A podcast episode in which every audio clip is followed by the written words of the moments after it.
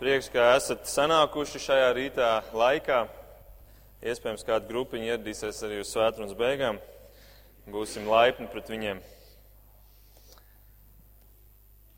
Nu, un, uh, mēs esam Kalnu svētdienā, kā jau jūs zinat.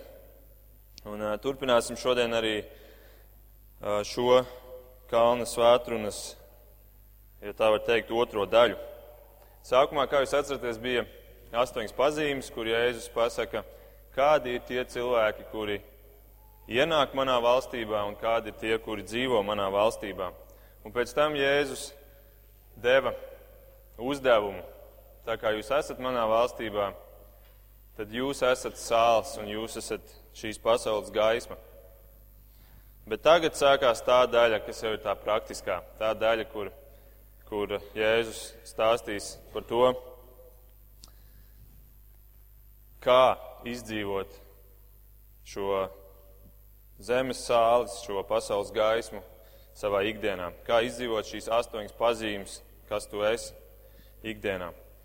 Pirmā daļa bija par to iekšējo cilvēku, otrā daļa tagad ir par ārējiem darbiem. Un kristētiem vispirms ir par kaut ko jākļūst, pirms viņš var kaut ko darīt.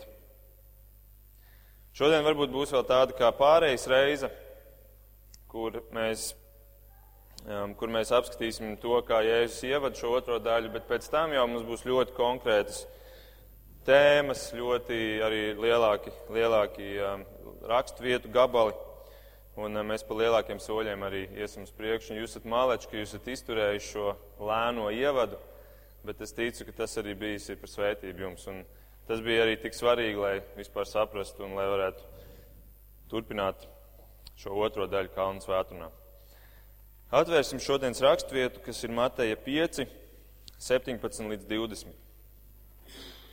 Mateja evaņģēlijas 5. nodaļa, 17 līdz 20. Jēzus saka, nedomājiet, ka es esmu nācis atmest bauslību vai praviešus. Es neesmu nācis tos atmest, bet piepildīt. Jo patiesi es jums saku, iekams debesis un zeme zudīs, pat vismazākais burts vai rakstu zīme no bauslības nezudīs, līdz tas viss notiks. Kas atmetīs kaut vienu no šiem vismazākajiem baušļiem un tā mācīs cilvēkus, tas tiks saukts par vismazāko debesu valstībā. Bet kas tos pildīs un mācīs, tas tiks saukts par varanu debesu valstībā. Jo es jums saku, ja jūsu taisnība nav pārāka par rakstu mācītāju un farizēju taisnību, tad jūs neiesiet debesu valstībā. Labi, zemosimies lūkšanā. Mīļais kungs, paldies par šo kalnu svētru, un kungs, paldies, ka tu ne, ne tikai nostājies un teici tiem cilvēkiem, kuri tajā dienā bija tur, bet paldies, kungs, ka mums tā ir pieejama, un, un paldies, ka tajā ir tik daudz patiesības iekšā, kungs. Mums ir tik maz laika, kungs, un mums ir, tu mums tik daudz esi devis, lūdzu. Palīdz kaut daļu no tā visu saprast, lūdzu. Dod, lai katrs, kurš šodien iziet no šī dievkalpojuma, lai viņš varētu šo, šo tavu domu arī būt sapratis. To mēs lūdzam Jēzus tavā vārdā. Amen. Jā, kā jūs redzat, šajā rakstē ir tik daudz tēmu iekšā. Tur ir jautājums, kas ir bauslība? Jautājums, kā kristiešiem attiekties pret bauslību, kā attiekties pret veco derību, kā Jēzus pret to attiecās. Tad ir vesela tēma par Dievu vārdu. Vai Dieva vārds ir autoritāte mums, vai tas ir nekļūdīgs, vai tas ir pilnīgs. Kādas Jēzum par to bija domas? Tad ir tēma par algām debesīs, kas ir, man liekas, mūsdienās kristieši daudz pat nav nojautuši, ka debesīs būs kaut kādas algas, būs dažādas pakāpes. Un tad ir tēma par rakstu mācītāju un farizēju taisnību. Vai viņiem bija kaut kāda citādāka taisnība? Un kādēļ ar šo taisnību nav iespējams ieiet debesīs? Tā kā ļoti bagāti raksturiet, un kā jau es arī minēju, mums ir tik maz laika, tāpēc mēs to visu mēģināsim tādās, ar tādām divām, diviem jautājumiem apkopot. Un tie jautājumi būs šādi kā Jēzus attiecās pret bauslību un kā mums būs attiekties pret bauslību. Un tad nākamreiz dzirds jau runās par Dieva vārdu autoritāti, par to, um, kā Dieva vārds ir nemaldīgs un kāda Jēzus attieksme bija par to. Labi, tātad kā Jēzus attiecās pret bauslību? Un viņš jau patiesībā uzreiz ar pirmajiem vārdiem šajā rakstvietā jau atklāja to, kāda ir viņa attieksme. Viņš saka, nedomājiet, ka es esmu nācis atmest bauslību. Un šeit ir atkal kaut kāds pieņēmums iekļauts. Tas pieņēmums ir kāds, kāds viņam redzot, kā domāja, ka viņš ir atnācis atmest to. Un ja mēs paskatāmies, ko raksta vēsturnieki par to, kāds bija rabīnu uzskati un, un šo rakstu mācītāji, tad mēs varam redzēt, ka viņi tiešām uzskatīja, ka Mēsija atnāks un viņš visu veco nostums malā, un tas viss pazudīs, visa bauslība beigs pastāvēt, ka viņš atnāks un atcels, jo viņi bija dziļi pārpratuši Jeremiju 31, 31, kur ir teikts, redzi, nāks dienas, saka tas kungs, kad es slēgšu jaunu derību ar Izraēlu namu un ar Jūdas namu. Tātad jauna derība būs, acīm redzot, tas būs kaut kas pilnīgi cits, un acīm redzot, vecā vairs nebūs vajadzīga, vecā tiks nojaukta, izbeigta. Un tāda bija viņu klusā cerība. Un mēs varam jautāt, kāpēc? Ļoti vienkārši tāpēc, ka patiesībā viņi paši nevarēja ciest veco derību. Viņi paši nevarēja ciest bauslību. Kādēļ viņi to nevarēja ciest? Tādēļ, ka viņi to neie, ne, nespēja piepildīt. Viņiem, viņiem, viņi bija pārpratuši to, ka bauslība bija, Dievs viņiem vienmēr bija paredzējis kā iekšēju sirds likumu bet viņi to vienmēr bija mēģinājuši ārēji piepildīt.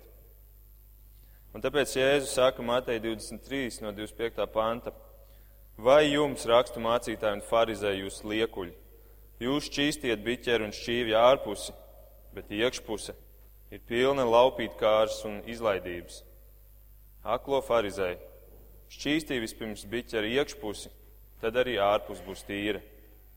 Vai jums rakstu mācītāji un farizēji jūs liekuļi, jūs esat līdzīgi nobalstinātām kapenēm, kas no ārpuses izskatās skaistas, bet no iekšpuses pilnas miroņu kauliem un visādām nešķīstībām? Tāpat arī jūs no ārpuses jūs cilvēkiem rādāties taisni, bet savā iekšēnē jūs esat pilni liekulības un ļaundarības. Un šī rakstvieta, es domāju, arī uzdod jautājumu, kā jums ir? Jānis jau te pirms tam teica, kāda ir jūsu attieksme atnākot uz baznīcu, esot laipni citu cilvēku priekšā ārēji, varbūt arī kaut kādus grēkus ārēji nostājoties pret viņiem, bet kas notiek sirdī, kāda ir tā attieksme iekšēji. Un rakstu mācītājiem, farizējiem šī visa bauslība, tas bija kaut kas ārišķīgs bet ar sirdi viņi to neciet. Un viņiem bija šī dilema, ka viņi ticēja, lai nonāktu debesīs, man ir jāizpild bauslība. Bet es to nespēju. Un, eh, ja es to nespēju, tas nozīmē, ka es nenonākšu debesīs. Un tādēļ, ziniet, ko viņi izdarīja? Viņi paņēma dieva bauslību un pazemināja, pazemināja tās standartus. Viņi paņēma dievu bauslību un pielāgoja viņu tā, lai viņi būtu tiešām izpildām. Un tā nu viņi katram bauslim sarakstīja skaidrojumus, lai padarītu viņus izpildāmus. Un tādā veidā viņi iestāstīja sev, ka, redz, tagad es spēju izpildīt bauslību, un tāpēc es tikšu debesīs. Bet tas, ko viņi bija izdarījuši, viņi patiesībā bija vienkārši radījuši paši savus mazos likumus, savas paražas, un tādas bija tūkstošiem, un to visu viņi apkopoja grāmatā, ko sauc par Talmudu. Un šajā Talmudā ir šo skaidrojumu apkopojums, kas sastāv no 63 traktātiem, jeb grāmatām, vesels grāmatu, milzīgs sējums, kur viņi bija visu bauslību sarakstījuši ar savā izpratnē. Un tā nu Jēzus viņiem saka, Matei 15 no 6. panta, jūs atceļat Dievu vārdu savu paražu dēļ, liekuļi. Jēsai ir labi par jums pravietojis, šī tauta godā man ar mēli, bet viņu sirds ir tālu no manis. Tie man velti izrāda godbijību, mācīdam mācības, kas ir cilvēku pavēles. Labi, jūs sakat, Markus, ok, bet ko tad viņi tādu mācīja? Es jums pastāstīšu, ko, bet nesmējieties, jo tā ir patiesība. Piemēram, vecajā derībā bija likums, sabatā tev nebūs strādāt? Mēs visi to zinām. Bet viņi teica, labi, ja es sabatā nevaru strādāt, tad ko vispār nozīmē strādāt? Mums ir jānodefinē, ko nozīmē strādāt. Un tā viņi nodefinēja, strādāt nozīmē nest kādu smagumu, kādu svaru. Tātad, tātad sabatā tu nevari nest smagums. Bet bija nākamā problēma. Tad kas ir smagums? Un tā nu viņiem bija jāizdomā, kas ir smagums. Un tā nu viņi nodefinēja smagumu, un tad viņi visādos veidos to nodefinēja, piemēram, ar ēdienu. Smagums ir, ja tas ir smagāks par žāvētu vīģi, tad tas ir smagums. Vai arī tik daudz vīna, ka tas ir sajaucams parastā biķerī. Vai arī viens malks piena. Vai arī medus tik daudz, lai to uzliktu brūcei virsū. Vai arī tintas tik daudz, lai uzrakstītu ar to divus burtus vai arī niedra tik gara, lai viņi varētu izmantot kā pildspalvu. Tas viss bija, tā bija tā robeža, ja ir, ja, ja, ja šī robeža tiek pārsniegta, tas jau ir smagums, un to vairs sabatā nedrīkst darīt. Viņi nedrīkst nesāt, celt. Un tā nu viņi stundām ilgi diskutēja par tādiem jautājumiem, kā vai vīrs drīkst pacelt lūgturi vienā vietā un nolikt citā vietā. Vai arī vai šuvējs grēko, ja viņam ejot sabatā pa ielu tālārā ir palikusi metāla adata. Vai arī vai sieviete drīkst nest brošu kleitā, sabatā, vai arī nesāt parūku. Un, ja, tā, ja tie bija smagāki par šāvēt vīģi, tad tas jau bija grēks. Vai arī vai vīrs drīkst sabatā pacelt savu bērnu, jo bērns tomēr ir smagāks par žāvēt vīģi. Nu, lūk, šādas lietas viņiem bija būtiskas, un to viņi definēja smalki, lai, lai varētu piepildīt šo Dieva doto likumu. Un tā nu viņi, piemēram, izlēma arī, ka rakstīt sabatā ir grēks, rakstīšana ir darbs, to nevar darīt. Un tā nu viņi teica, ok, grēks ir tad, ja tu raksti vairāk par diviem burtiem. Ar tinti, ar krāsu vai ar jebko citu, kas atstāja paliekošu zīmi. Un Tu būsi, tu būsi vainīgs tad, ja tu rakstīsi šos abus burtus tā, tādā vietā, kur viņi ir abi salasām kopā. Piemēram, uz divām sienām blakus, kas veido vienu leņķi. Ja, ja mēs tur uzrakstīsim divus burtus, tas ir grēks. Vai arī uz grāmatvedības pierakstu plāksnēm, kurš stāv blakus, ja tu viņus var salasīt kopā, tas ir grēks. Bet, ja tu rakstīji ar kādu tumšu šķidrumu, ar augļu sūlu, piemēram, vai tu rakstīji smiltīs, var sakot, kaut kur, kur nav paliekoša zīme, tad tas vairs nav grēks, tad tu neesi vainīgs. Un, ja tu uzrakstīji divus burtus, piemēram, uz atšķirīgām lapām grāmatai, tātad tādā veidā, ka tu nevari salasīt šos divus burtus kopā, tas nav grēks, tu esi nevainīgs. Un ticēt vai nē, bet šādi likumi viņiem bija pa pilnam. Un, un viņi teica arī, ka, piemēram, sabatā dziedināt ir grēks. Mēs to zinām. Jēzum šis pārmetums atskanēja nevienreiz vien. Tādēļ atļauts dziedināt bija tikai tad, ja draudēja briesmas dzīvībai. Tikai tad tu drīkstēji kaut ko darīt šim cilvēkam, bet ar nosacījumu, ka tu nedrīksti uzlabot viņu situāciju. Tu drīkst tikai apturēt pasliktināšanos. Var sakot, tu varēji uzlikt parastu pārsēju viņa brūcei, bet tu nevarēji viņu apsmērēt ar ziedi, jo tādā veidā tu jau atkal uzlabot viņu situāciju. Tu varēji ausī ielikt parastu vātis gabalu, bet tu viņu nedrīkstēji ārstnieciski apstrādāt. Mēs varam teikt, pilnīgs absurds, bet viņiem, lai izpildītu šo likumu, viņiem bija šī dilēma, viņiem bija jāiet šis ceļš. Un tā nu rakstu mācītāji bija tie, kas to izgudroja, bet farizē bija pēc tam tie, kuri mēģināja to izpildīt un, un turēt šo likumu. Un par sabatu mēs vēl runāsim uz priekšu, ejot kalnu svētunā, un tad būs vēl visādi interesanti piemēri, visādi brīnumi. Un, bet es ceru, ka jūs tagad labāk saprotat Jēzu šīs raksturvietas pēdējo pāntu, kur viņš saka, ja jūsu taisnība nav pārāk par rakstu mācītāju un farizēju taisnību, tad jūs neiesiet debesu valstībā. Jo viņi gan savus kritērijus izpildīja, bet tie jau sen vairs nebija dieva kritēriji. Un tā nu šie rakstu mācītāji un farizēji, gaidīja mesiju, kurš atnāks un, un, un, un atbrīvos viņus no visas šīs jūgas un nāsti, jo viņiem pašiem bija grūti. Un nabaga tauta, kurai tas viss bija jāmācās un, un jāmēģina turēt. Bet tad Jēzus atnāk un viņš nostājās un viņš saka, nedomājiet, ka es esmu atnācis atmest bauslību. Nē, nedomājiet, ka es to atcelšu.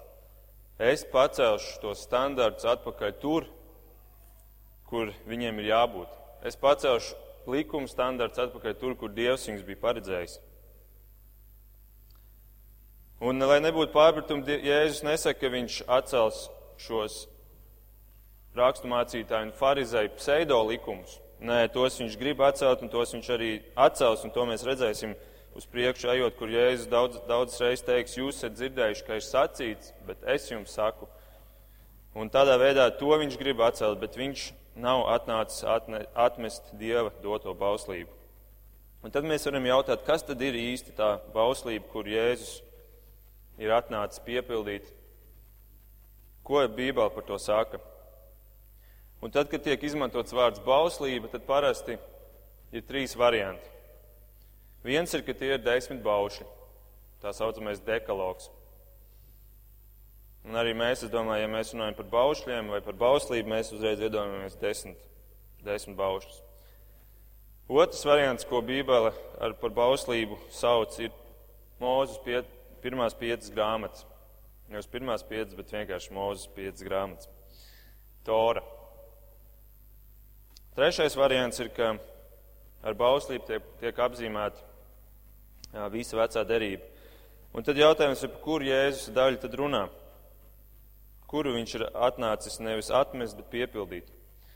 Un Jēzus pats atbild uz šo jautājumu, jo viņš saka, nedomājiet, ka es esmu nācis atmest bauslību vai, ko viņš saka, praviešus. Bauslību vai praviešu. Un visur, kur mēs dzirdam, šīs divas lietas kopā, bauslība un pravieši, tur mēs, tur mēs zinām, ka runa ir par veco derību visu kopumā. Viņi uzskatīja, ka vecā derība sastāv no bauslības un no praviešiem. Bauslībā Dievs deva baušļus, un pēc tam uzticēja mūzumu, ej un saraksti vēl likumus, tos, kurus es tev caur savu garu atklāšu, un pēc tam um, pravieši bija tie, kuri gāja un un atgādināja tautai šos likumus. Viņi negāja ar mērķi kaut ko jaunu mācīt, viņi vienkārši gāja un atkārtoja un atgādināja tautai par tiem likumiem, kurus Dievs baušļos un pirmajās piecajās, piecās mūsu grāmatās bija devis. Tātad Jēzus saka, ka viņš netaisās atmest veco derību, bet piepildīt to. Bet kas tad ir vecā derība un kas tad ir tas likums, tā bauslība, par kuru Jēzus šeit runā. Un, un es jums šodien bišķiņi iedošu no teoloģijas, lai jūs arī saprotat šo jautājumu. Es ticu, ka tas būs, ka tas liks, ļaus arī saprast, kā mums, kā kristiešiem, ir jāattiecās pret šo bauslību. Ir trīs veidi likumi, kādus Dievs ir devis. Pirmais ir morālais likums. Un es uz, mēs tepat uz, um, varbūt Jānis tur uzlikt.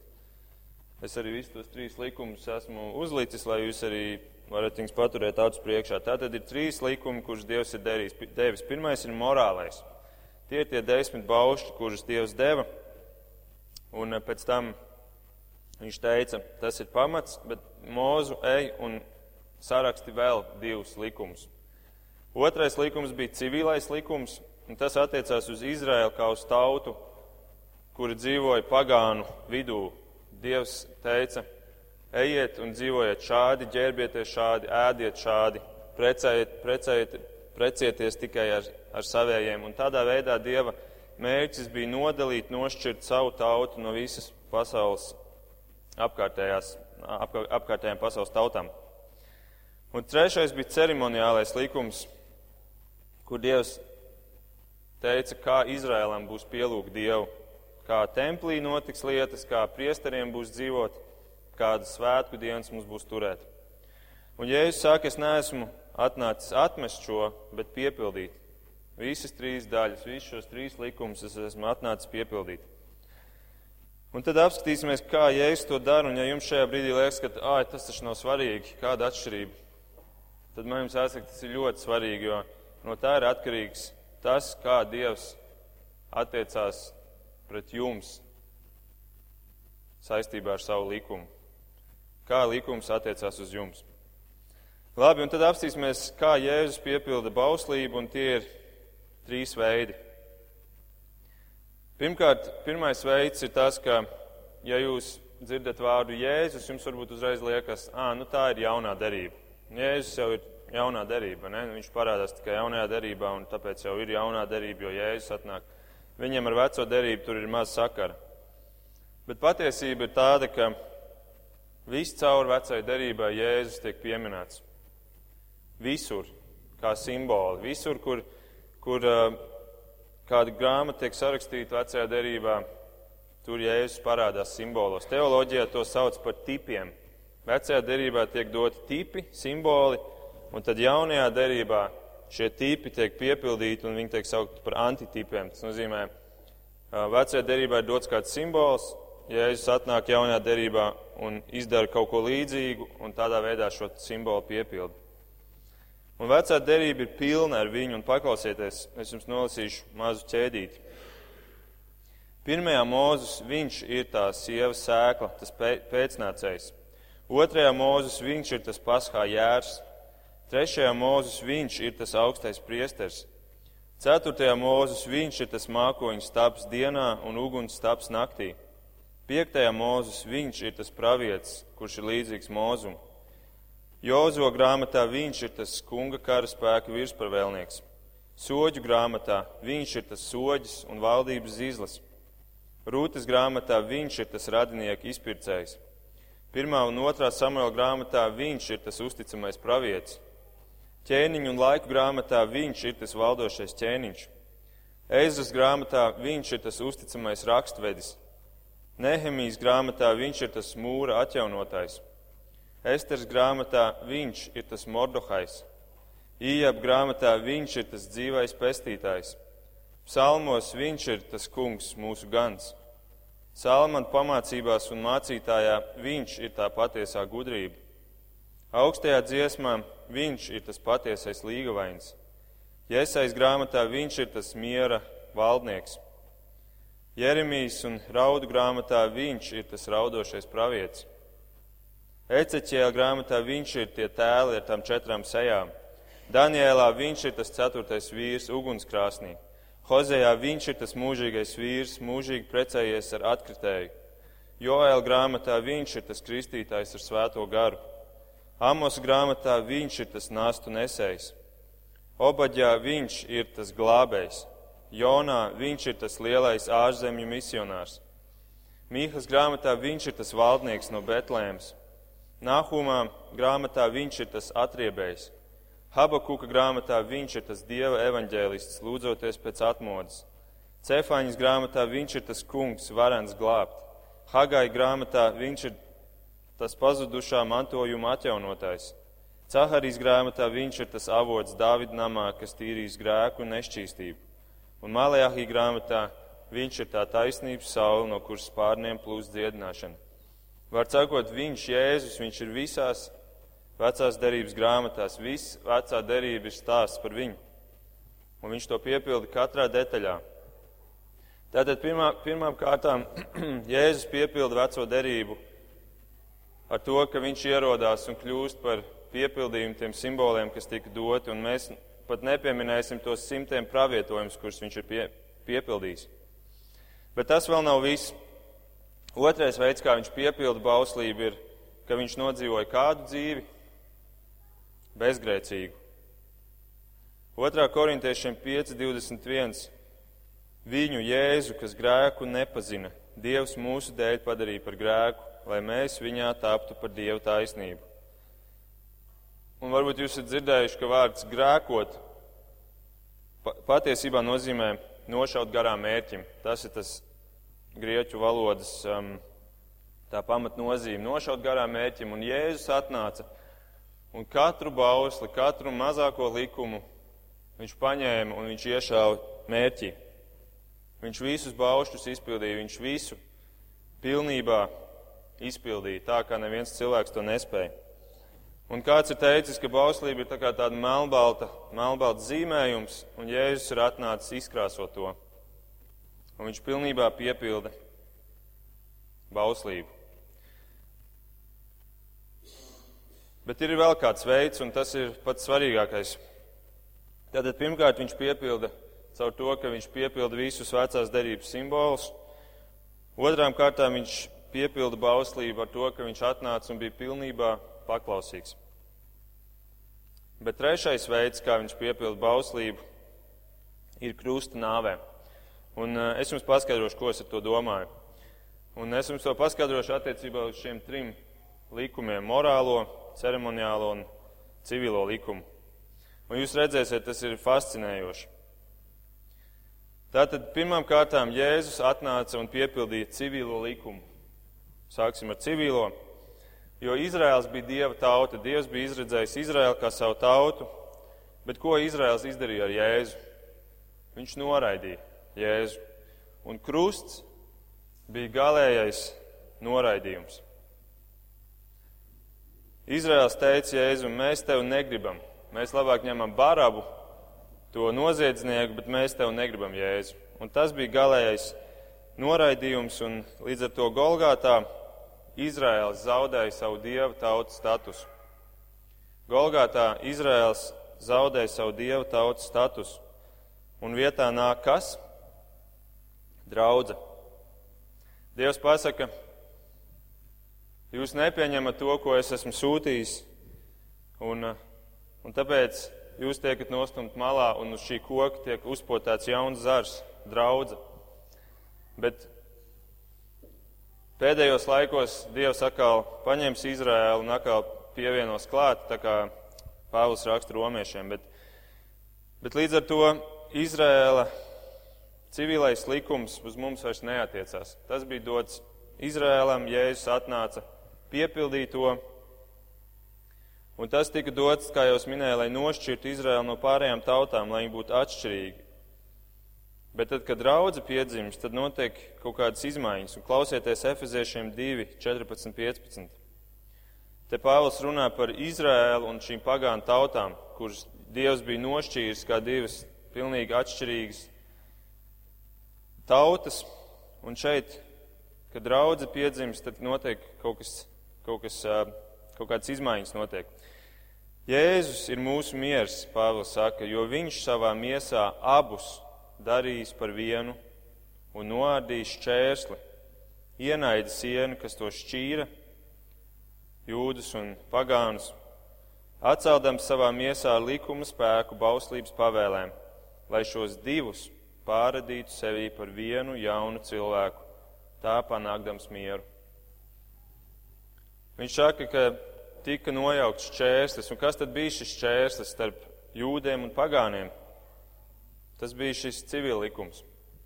Tas bija tas, ko Dievs bija ielicis, lai jūs esat atšķirīgi, bet tagad piedzimst draudze un šīs divas daļas tiek savienotas kopā. Un tādēļ vasaras svētkos, kad nāk šīs mēlis um, draudzēji, tad viņi sāk runāt pagānu valodās. Viņi sāk runāt pagānu tautu valodās, lai iet un nestu viņiem šo vēsti, kas sākotnēji bija dota tikai Izrēlam. Un tā nu viss neēdiet cūgaļu, ēdiet tikai košeru ēdienu. Tas viss tiek atcelts. Un Pēterim Dievs saka, ej un ēd to, ēd cūku, ēd visu pārējo, jo civil likums uz jums vairs nav spēkā. Un uz mums kā draudz arī ne.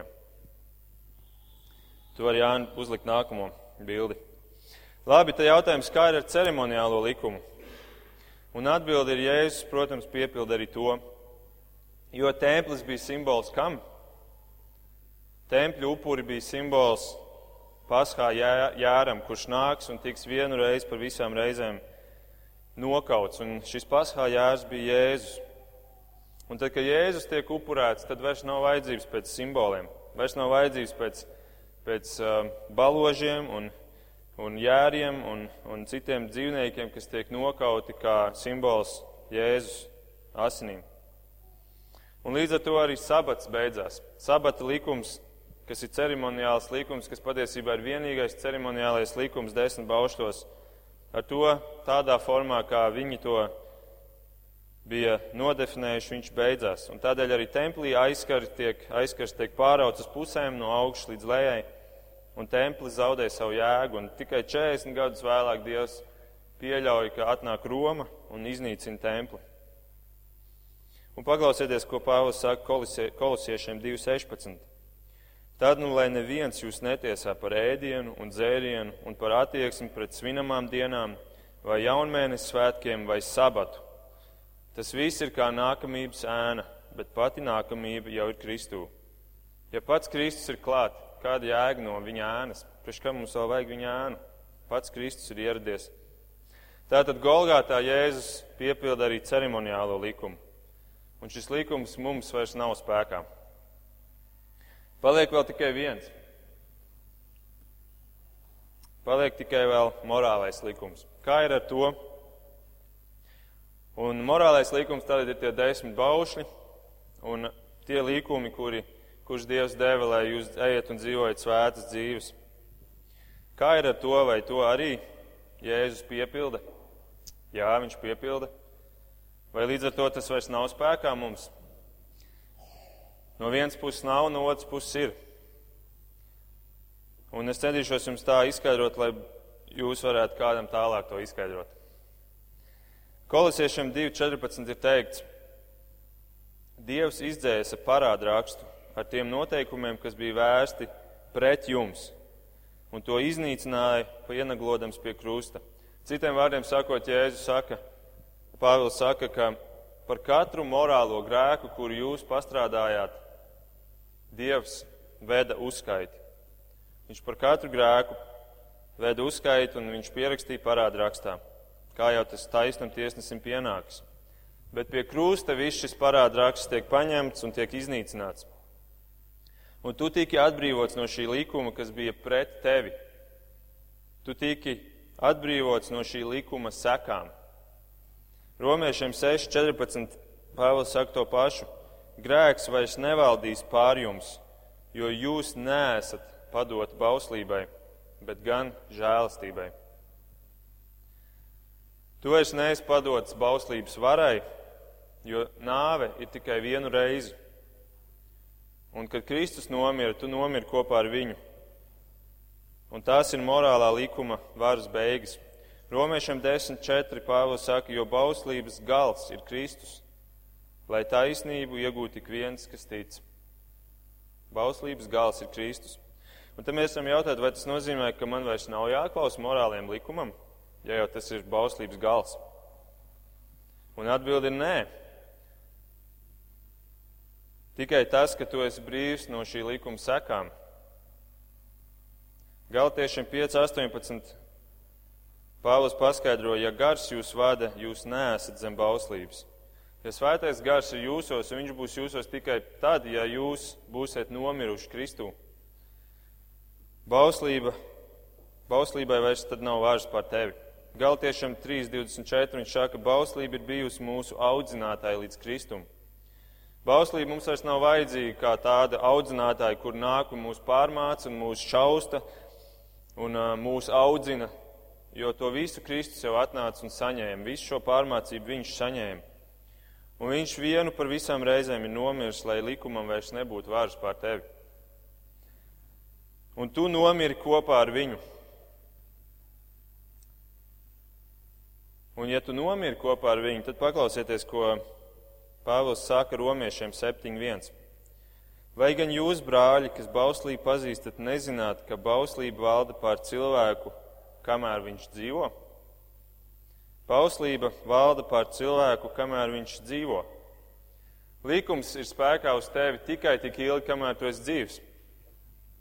Iedomājieties, jūs šodien nomirstat un jūs ieliek zārkā un jūs zārku ieliek mašīnā un tagad jūs ved uz bērēm. Un tas puisis pie stūres pārsniedz ātrumu un mašīnu aptur tad policists nenāks un nedos tev sodi kvīti, jo likums uz tevi vairs nav spēkā. Tu esi brīvs no likuma. Tādēļ tik svarīgs jautājums ir, vai tu esi reiz miris, Jo, ja tu neesi, tad likums joprojām ir spēkā, un tad tev nav nekādas izredzes, tad tev visa bauslība ir jāpiepilda tā, kā farizei to darīja un rakstu mācītāji. Bet, ja tu esi miris līdz ar Kristu, tad šis likums vairs nav spēkā uz tevi. Un tomēr kaut kādā veidā tas tomēr vēl ir spēkā uz mums. Tas ir piepildīts, Jēzus to piepildīja, un tomēr tas mums ir saistoši. Un tad jautājums ir, kādā veidā, vai te ir kaut kāds paradoks, Bet Pāvils to ļoti labi paskaidro uzreiz nākamajos pantos. Viņš dod kādu piemēru. Viņš saka no romiešiem 7.2. Piemēram, precēta sieva pēc bauslības saistīta ar vīru, kamēr tas ir dzīvs. Loģiski. Bet, kad viņš mirst, viņa kļūst brīva no bauslības, kas viņu saista pie vīra. Loģiski. Tātad, ja tā, vīram dzīvam esot nodosies citam vīram, viņu sauks par laulības pārkāpēju. Bet, ja vīrs ir miris, viņa ir brīva no bauslības saistībām, un viņa piederēdam citam vīram nav vairs laulības pārkāpēji. Tāpat arī jūs, mani brāļi, līdz ar miesīgo Kristu esat nonāvēti bauslībai un tagad piedarat citam vīram, tam, kas uzmodināts no mirušajiem Tāpēc nesīsim augļus Dievam. Redzat to atšķirību? Mēs nomirām kopā ar Kristu, un mūsu laulība ar bauslību izbeidzās tajā brīdī. Bet mēs iegājām jaunā laulībā. Mēs tagad esam precēti ar Kristu. Mēs esam zem Kristus likuma. 1. korintiešiem 9.21. Pāvils saka, tiem, kas bauslību nepazīst, es biju kā tāds, kas ir bez bauslības Tomēr es nebiju brīvs no Dieva bauslības. Es biju zem Kristus bauslības, lai iegūtu tos, kas nepazīst bauslību. Tātad mēs esam brīvi no tās bauslības, kuru Dievs ir devis, kura mūs apsūdz, bet mēs esam zem Kristus bauslības. Un Kristus bauslība ir citādāka. Mēs viņu pildām nevis tādēļ, lai mēs tiktu glābti, bet mēs viņu pildām tādēļ, ka esam glābti. Tātad savā ziņā tā ir tā pati bauslība, bet cita funkcija.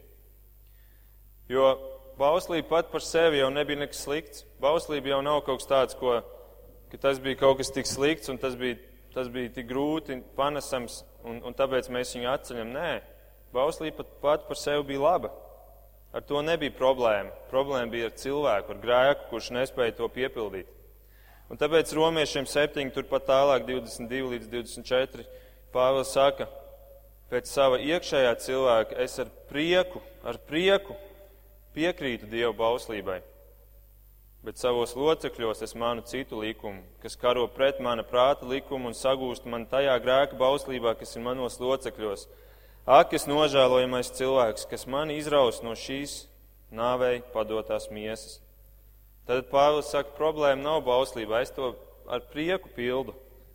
Problēma ir manī, manā miesā, grēkā.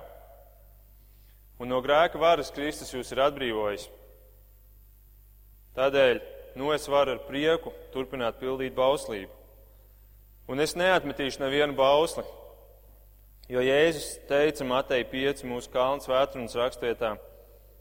Jēzus teica, ka viņš nav atnācis atmest nevienu bausli, tad kādēļ lai es to darītu? Ja es esmu Kristus sekotājs, kādēļ lai es atmestu, ja viņš ir atnācis, lai neatmestu nevienu?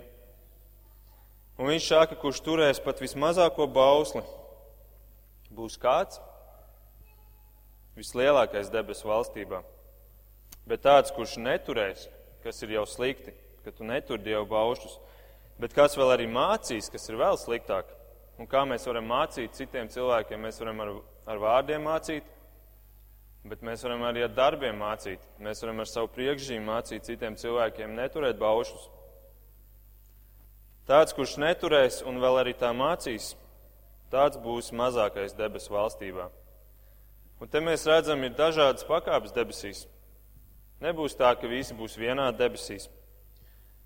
Un nebūs tā, ka tu visu dienu stāvēsi korī un Dievs būs tas lielais diriģents, kurš tagad visu dienu diriģēs. Debesīs būs lielāka dažādība, lielāka krāsainība, lielāka sajūtu un, un, un garšu izvēle, kā tas ir šeit, šajā dzīvē. Un tur būs arī dažādi uzdevumi, ar kuriem tu varēsi kalpot, ar kuriem tu ar prieku kalpos. Un Dievs šos uzdevumus piešķirs pēc šī, cik tu būsi bijis uzticams pret Dieva dotiem likumiem. Tie pirmie būs tie pēdējie, un tie pēdējie būs tie pirmie, vai ne? Un labā ziņa tā, ka Jēzus nesaka, ka tu netiksi debesu valstībā, ja tu neturēsi šos likumus. Ja tas tā būtu, tad, tā, tad mēs nedzīvot no žēlstības. Viņš to nesaka, viņš saka, ka tu netiksi debesu valstībā, ka tu, um, ka tu tiksi debesu valstībā, bet tev būs dažādas pakāpes. Netiks debesu valstībā tikai tie, kuri dzīvo pēc raksturmācītāja un farizēja taisnības, kuri pilda savus likumus, nevis dieva likumus.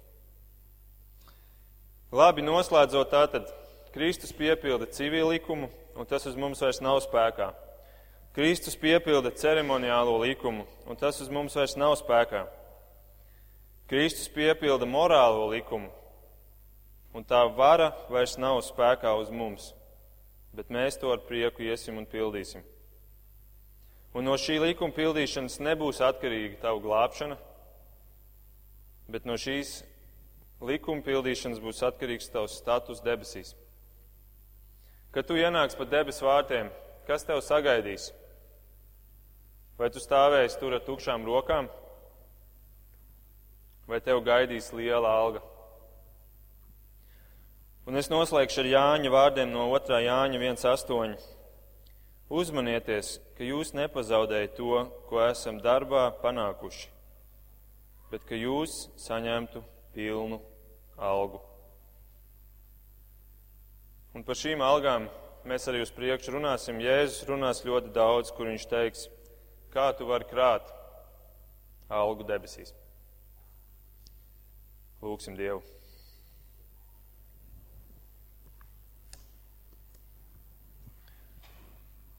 Mīļais kungs, Jēzu, paldies, ka, ka tu savā vārdā esi mums devis to patiesību, kuru mēs nekad nespētu pati, paši saprast. Ja mums nebūtu tavu vārdu, kungs, mēs dzīvotu tumsā, mēs taustītos tumsā, kungs. Un paldies, ka tu atnāci, ka, tu, ka tavs stāsts no no šīs pasaules radīšanas līdz šai dienai, ka tas ir tik vienots stāsts, kungs, ka tas, ir, tas viss sākās ar pasaules radīšanu. Un, un katrā Bībeles grāmatā tu parādies, Jēzu, un, un, un tad, kad tu atnāc šeit savā miesā, kungs, tu nevis to visu nojauc un uzsāk atkal kaut ko jaunu, bet tu to visu piepildīji, un tu to piepildīji tik brīnišķīgā veidā, kungs. Un, paldies, ka mēs varam būt tavi bērni, kuriem tu, mums, tu esi atdarījis acis. Un, Un ka mēs varam dzīvot, kungs, un palīdz, ka mēs būtu tie, kuri, jā, esot brīvībā, kungs, tomēr, ka mēs mīlētu tavus likumus, un ka mēs tos pildītu ar prieku, un ka mēs, ka mēs iet un rādītu pasaulē, cik labi ir tavu likumu, ka tā nav nasta, bet, ka, ja to dzīvo ar pareizo attieksmi, ar, ar sirdi, tad, tad tie ir tik skaisti, kungs. Un, Un palīdz mums tādiem būt, palīdz mums būt tādiem, kuri nevis saka, ka mēs jau dzīvojam no žēlstības un likumam vairs nav nekādas teikšanas pār mums, kungs, bet ka mēs būtu tādi tā kā tu, kur, kur sakam, ka mēs ne mazāko bausli neatmetīsim, bet mēs to pildīsim, tādēļ, ka tu tā esi teicis un tādēļ, ka tu esi mūs atbrīvojis no šī likuma varas. Un lūdzu, kungs, palīdz mums tādiem būt. Paldies Tev, ka Tavs vārds var skanēt un palīdz, ka mēs arī katrs ikdienā no Tava vārda smeltos spēku un, un ka Tu arī varētu mums ļaut saprast visu tās, visu to patiesību, kur slēpjas Tavā dziļajā prātā, kungs, un Tavā sirdī. Un, un mēs gribam Tevi iepazīt labāk, mēs gribam mācīties no Tevis, mēs gribam Tevi nevis tikai redzēt kā to mūsu glābēju, bet mēs gribam redzēt tevi tavā pilnībā, kungs. Un dod lūdzu mums šīs ilgas, šīs slāpes mūsu sirdīs. To mēs lūdzam Jēzus vārdā. Āmen!